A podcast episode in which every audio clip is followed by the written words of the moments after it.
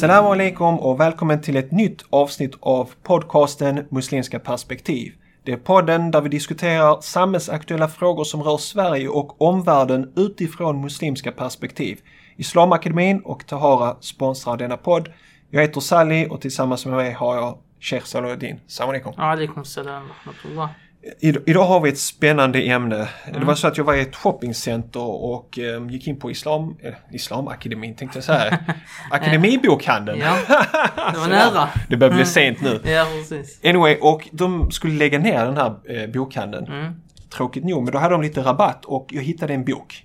Confucius samtal. Mm. Eh, så det är en bok med samling av hans äldsta uttalande. Ja, Han levde då ungefär 400 år före Kristus i dagens Kina. okej. Eh, Är han kopplad till buddhismen på något sätt? Inte alls kopplat till Nej, buddhismen. Eh, utan har en egen liksom, filosofi eller religion om man vill säga så. Mm. Eh, man kallar det för konfucianismen. Men han pratar mycket om medelvägen och så vidare. Mm. Men jag, jag bara tänkte på det här med hur ser vi i islam på, på det här med profeter och Guds sändebud och budbärare? Mm. Eh, Är de bara från Ismaels och Isaks led eller finns det Guds sändebud och profeter till andra nationer Mm. och folk? Alltså den generella, eh, generella synen på profetskap och profeter i islam är att, ju, att det har skickats profeter och sändebud till i princip alla stora folkslag som kommer till dem med budskap på deras språk. Eh, och eh, det finns mycket som indikerar detta. Eh, utav det är verser i Koranen. Ett sådant exempel är i Koranen så står det då Vi har sänt ut sändebud före dig. Om några av dem har vi berättat för dig och om andra har vi inte berättat för dig. I en annan vers så står det Vi har sänt dig med sanningen som förkunnare av ett glatt budskap om hopp och som varnare. Inget folk har blivit utan en varnare som levde och dog ibland dem. Så att alla folk eh, har fått en varnare, ett sändebud, en profet som på något sätt har förmedlat något budskap. Sen har ju de här budskapen antingen tagits, till sig av folket som det har sänts till eller så har det avfärdats helt och hållet. Eller så har det tagits till, tagit till sig men urvattnats och förändrats och förvanskats över tid. Eh, och eh, det ser vi ju även med religioner som har eh, vad ska man säga, utvecklats fram på, i, i närmre tid, alltså säg till exempel kristendom och liknande. Och även inom islam har vi haft grenar som har liksom brutit sig ut ur islam och inte riktigt eh, behållit sig till det ursprungliga budskapet. Så att det verkar vara en, en eh, vanlig företeelse. Och har det skett med eh, vad ska man säga, budskapen som Israels profeter har kommit med, ja men då kan det ha skett även med de andra eh, profeterna som har sänts till andra eh, folk. Och jag tror vi har även, vi kan se vissa indikationer på att eh, det har sänts profeter till andra folk. Vi har till exempel vissa berättelser som eh, är gemensamma nämnare. Säg syndafloden. Eh, den nämns i sumeriska texter, den nämns i bibliska texter och den nämns även i eh, sydamerikanska urbefolkningens eh, liksom histor- historia. Man kan hitta den i olika traditioner. Precis, man kan hitta den i olika traditioner och vi ser det som ett troligt eh, ett tecken på att det kan liksom ha varit sändebud som har skickats de här olika folken och berättat om det här eh, och sedan har det levt kvar. Spår har levt kvar från budskapen. Och även eh, så kan vi se spår av budskap i de olika religionerna och traditionerna som är profetiska. Vi har till och med i säg hinduismen som idag är väldigt så här polyteistiskt så är ju ursprungskärnan i läran är en monoteistisk sådan till exempel. Eh, och dock tror jag vi förhåller oss, särskilt när det gäller texter, eftersom i den muslimska traditionen så är vi väldigt källkritiska. Eh, även när det gäller våra egna texter. Haditherna exempelvis och så här. Och det ska ju traderats generation efter generation med kedjor. Man känner, man vet vem det är som har återberättat och så vidare. Så vad det gäller texter, andras texter så är vi ju likt det en gång när de kom till profeten Muhammed med Guds frid var över honom så sa de erkänner du dessa texter? Det var några av israeliterna, någon stam eller liknande. Så sa han vi varken bekräftar eller förnekar. Eh, dock har vi i slutändan Koranen som skiljesnöre. Ett av Koranens namn är Al-Furqan. Furqan är det som skiljer mellan rätt och fel, sant och gott. Det som är från Gud och det som inte är från Gud. Och därigenom kan vi se om ett budskap stämmer överens med det som finns i Koranen eller inte och Mm. utgå lite i det, utifrån det. Eh, jättebra. Jag, jag tänkte vi skulle, jag skulle läsa några av de här eh, uttalanden Mm. av Konfucius och eh, höra vad, vad du tänker och reflekterar över detta. För att, Där är det liksom både Confucius men även Buddha och liknande. De har ju uttalanden som låter väldigt profetiska Mm. Precis. och väldigt liknande muslimska. Så det är inte helt omöjligt ja, att de har varit sändebud sen vars budskap har förändrats eller för, försvunnit. Men fin, fortfarande finns det spår av eh, Precis, sanningen där. Precis. Eh, Jag, jag, så jag tänkte läsa några av de här uttalandena. Och det första exemplet jag tänkte ta är faktiskt inte ett uttalande av Konfucius utan det är en eh, stor filosof inom konfucianismen. Han heter Mencius. Och eh, han föddes i en stad nära Konfucius hemort som heter Zhou. Och han var troligen en elev till Konfucius barnbarn Sisi. Mm. Och Torbjörn ger då Mencius exempel i en av hans kommentarer. Han säger så här på sidan 62.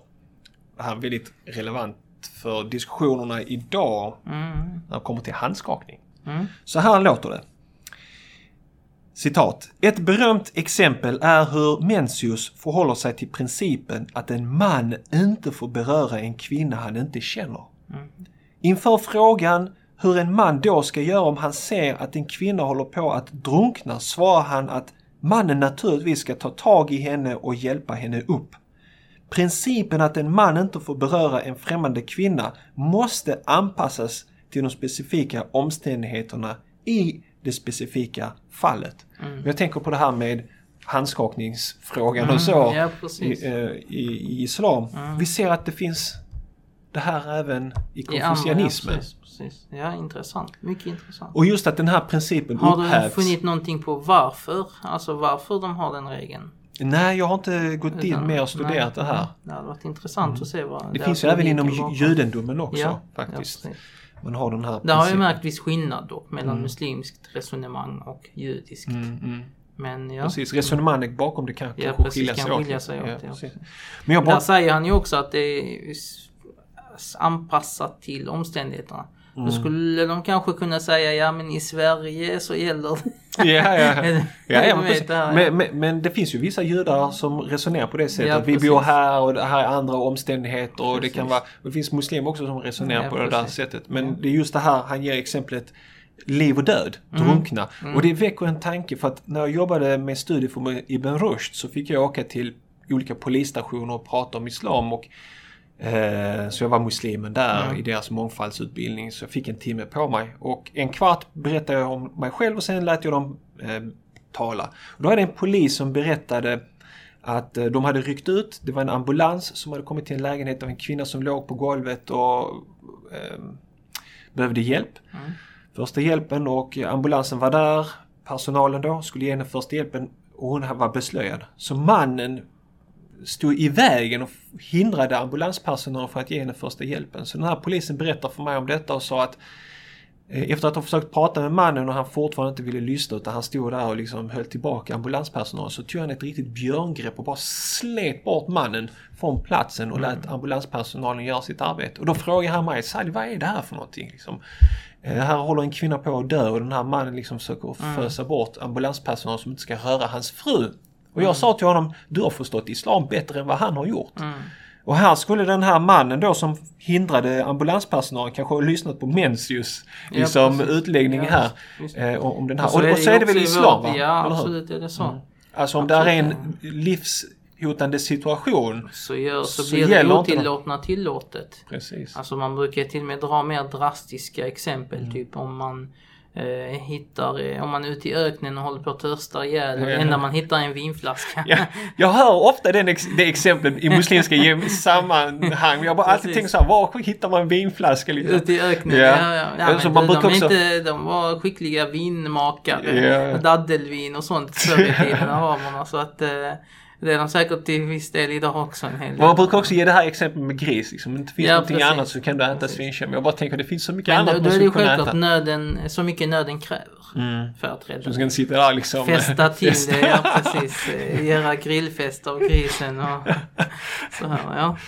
Precis, men jag tycker, är det inte fantastiskt? Ja, mycket, mycket intressant. Mycket Att, att de intressant. har det i sin tradition Ja, i islam, judendom och så vidare. Precis, ja. Eh, vi går vidare till några andra då. Eh, Mm. Vi ska ta några stycken, jag ska inte ta jättemånga men jag, jag vill gärna höra vad du tycker. Eh, här finns ett exempel. Eh, kapitel 7, om man säger vers 22. Mästaren sade om jag är... Mästaren är då Confucius. Mästaren är Confucius, Ja, precis.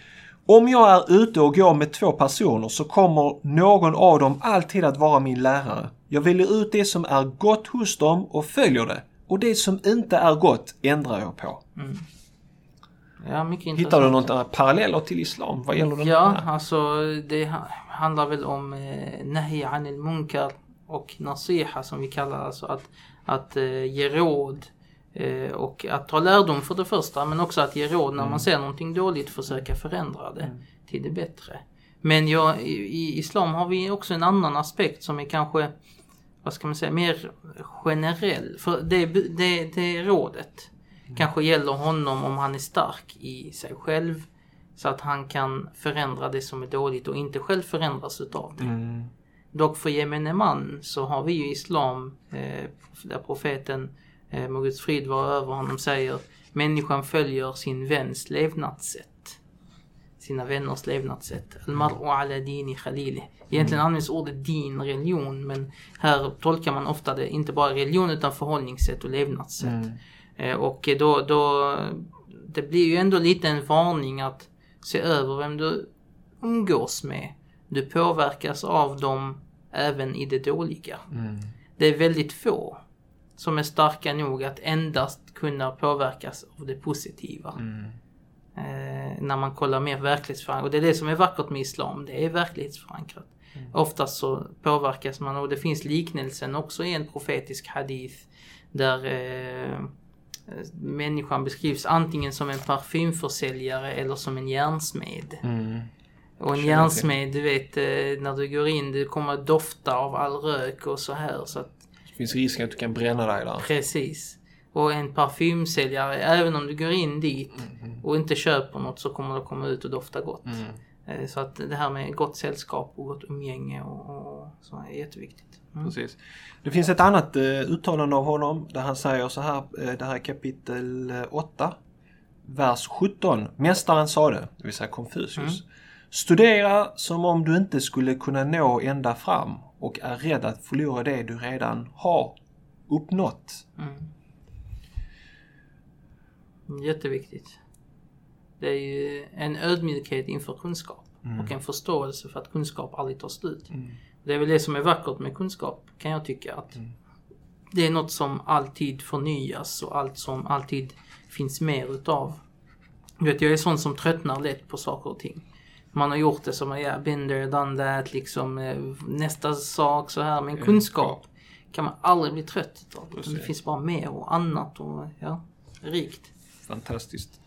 Och ett citat till exempel lyder så här, eh, kapitel 12, vers 16. Mästaren sade En ädel människa hjälper andra att förverkliga sina goda, inte sina dåliga egenskaper. En liten människa gör tvärtom. Mm. Just det här för att Konfucius pratar också mycket om den ädla människan. Den ädla människan är så här.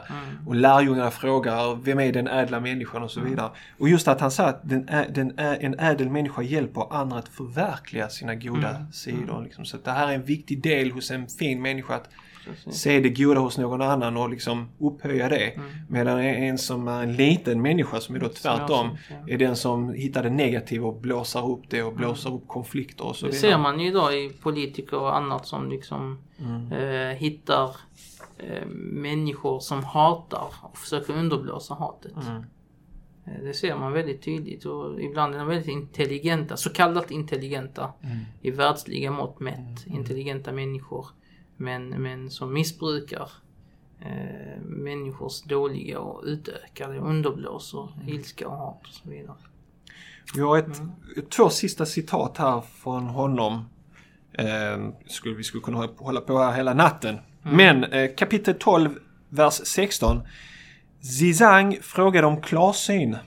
Så vem är klarsyn? Mästaren sade Den som inte låter sig rubbas av envist förtal och sårande anklagelse är klarsynt. Ja, han kan sägas vara framsynt. Mm. Jag tänker på det där, så människor som jobbar för goda eh, ändamål idag. Eh, muslimer som, du vet, Och andra. ja. Som Eh, förtalas och eh, ja. försöks tryckas ner och tryckas Om vi bort tar det här exemplet med den här systern som blev nekad jobbet på SAS. Precis. Hon har ju, Ja, ja. det har spridits en massa förtal om henne, Mm. konspirationsteorier och du vet. Man har bakat Och då ihop undrar jag liksom de här människorna, de är ju, du vet det är ju dessa som också alltid snackar om kultur och svensk kultur och det, värderingar och så. Jag undrar Mm. Ja. vad de har för kultur och värderingar Ja, egentligen. ja. När de beter sig på detta sätt. Mm. Och är, är, det, är det den slags svenskhet de eh, kämpar för och vill implementera då eh, tackar jag hellre nej. Ja, Liksom. precis. Det, det, finns en, det finns en stor, eh, stort trollgäng Jag, jag, kan, jag kan helt acceptera att man inte håller med henne. Mm. Och då får man ju kämpa och driva sin kamp på ett, liksom, ett schysst och ärligt sätt. Mm. Men att eh, klippa, photoshoppa och Ja. använda liksom slag under bälte och fult Mm. spel och så vidare och konspirationsteorier. Det är så lågt. Det, är bara, det, det, det visar ju bara vem de är mer än något annat tycker jag. Mm, precis, precis. Och där har vi ju överhanden, eller vad ska man säga, där, där har vi ju egentligen redan vunnit eh, innan ens behöva gå. Alltså, alhamdulillah. Ja. Eh, Den, den, den delen är ju Mm. ingen svår match. Om man säger så. Det är bara Men jag, jag, jag tror de är förblindade av sitt hat. Mm. Det finns inget, finns inga regler, finns inga moraliska regler eller gränser som man inte får överskrida. Mm. När man är så fylld av hat så bara det ena är tillåtet efter det andra. Mm. Och vi har ju sett sådana här fall av eh, högerextrema som har gjort dåd och sen anklagat muslimer för detta. Till exempel i Tyskland var det va? Med den här Mm. Ja, just bussen. det. Just det. Mm. Och, och andra sådana såna Ja, fall.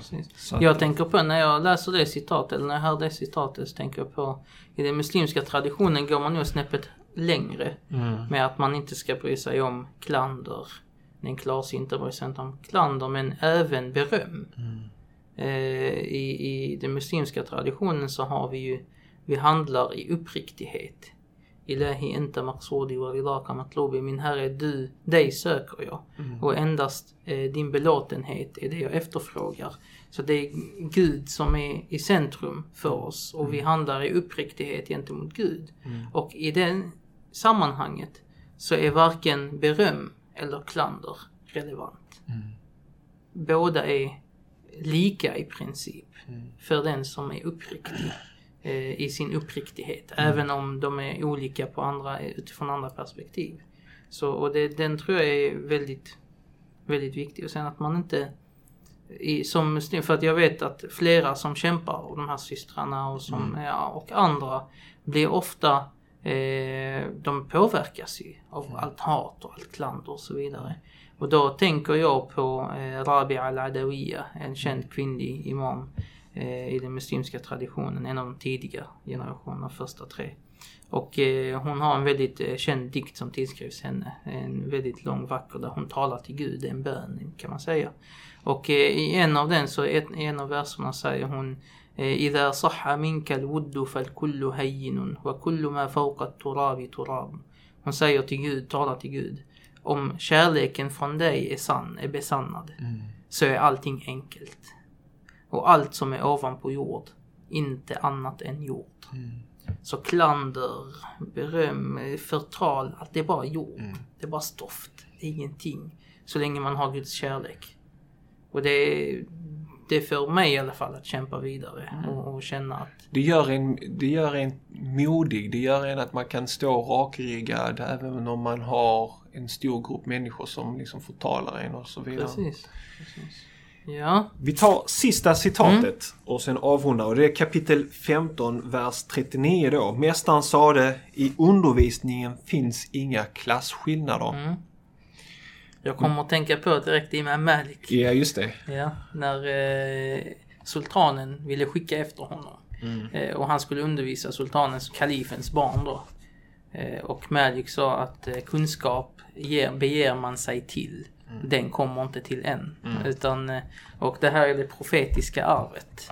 Eh, du får komma och söka den, den kommer inte till dig. Precis. Liksom det är ödmjukhet inför kunskap och vikten eh, i kunskap i studiecirkeln är inte vem som är rik eller vem som är fattig eller så utan Eller manligt eller kvinnligt. Eller manligt eller Vi har haft många kvinnliga lärare i islams Precis. historia och tyvärr har vi tappat, en Tappat del det. på senare tid.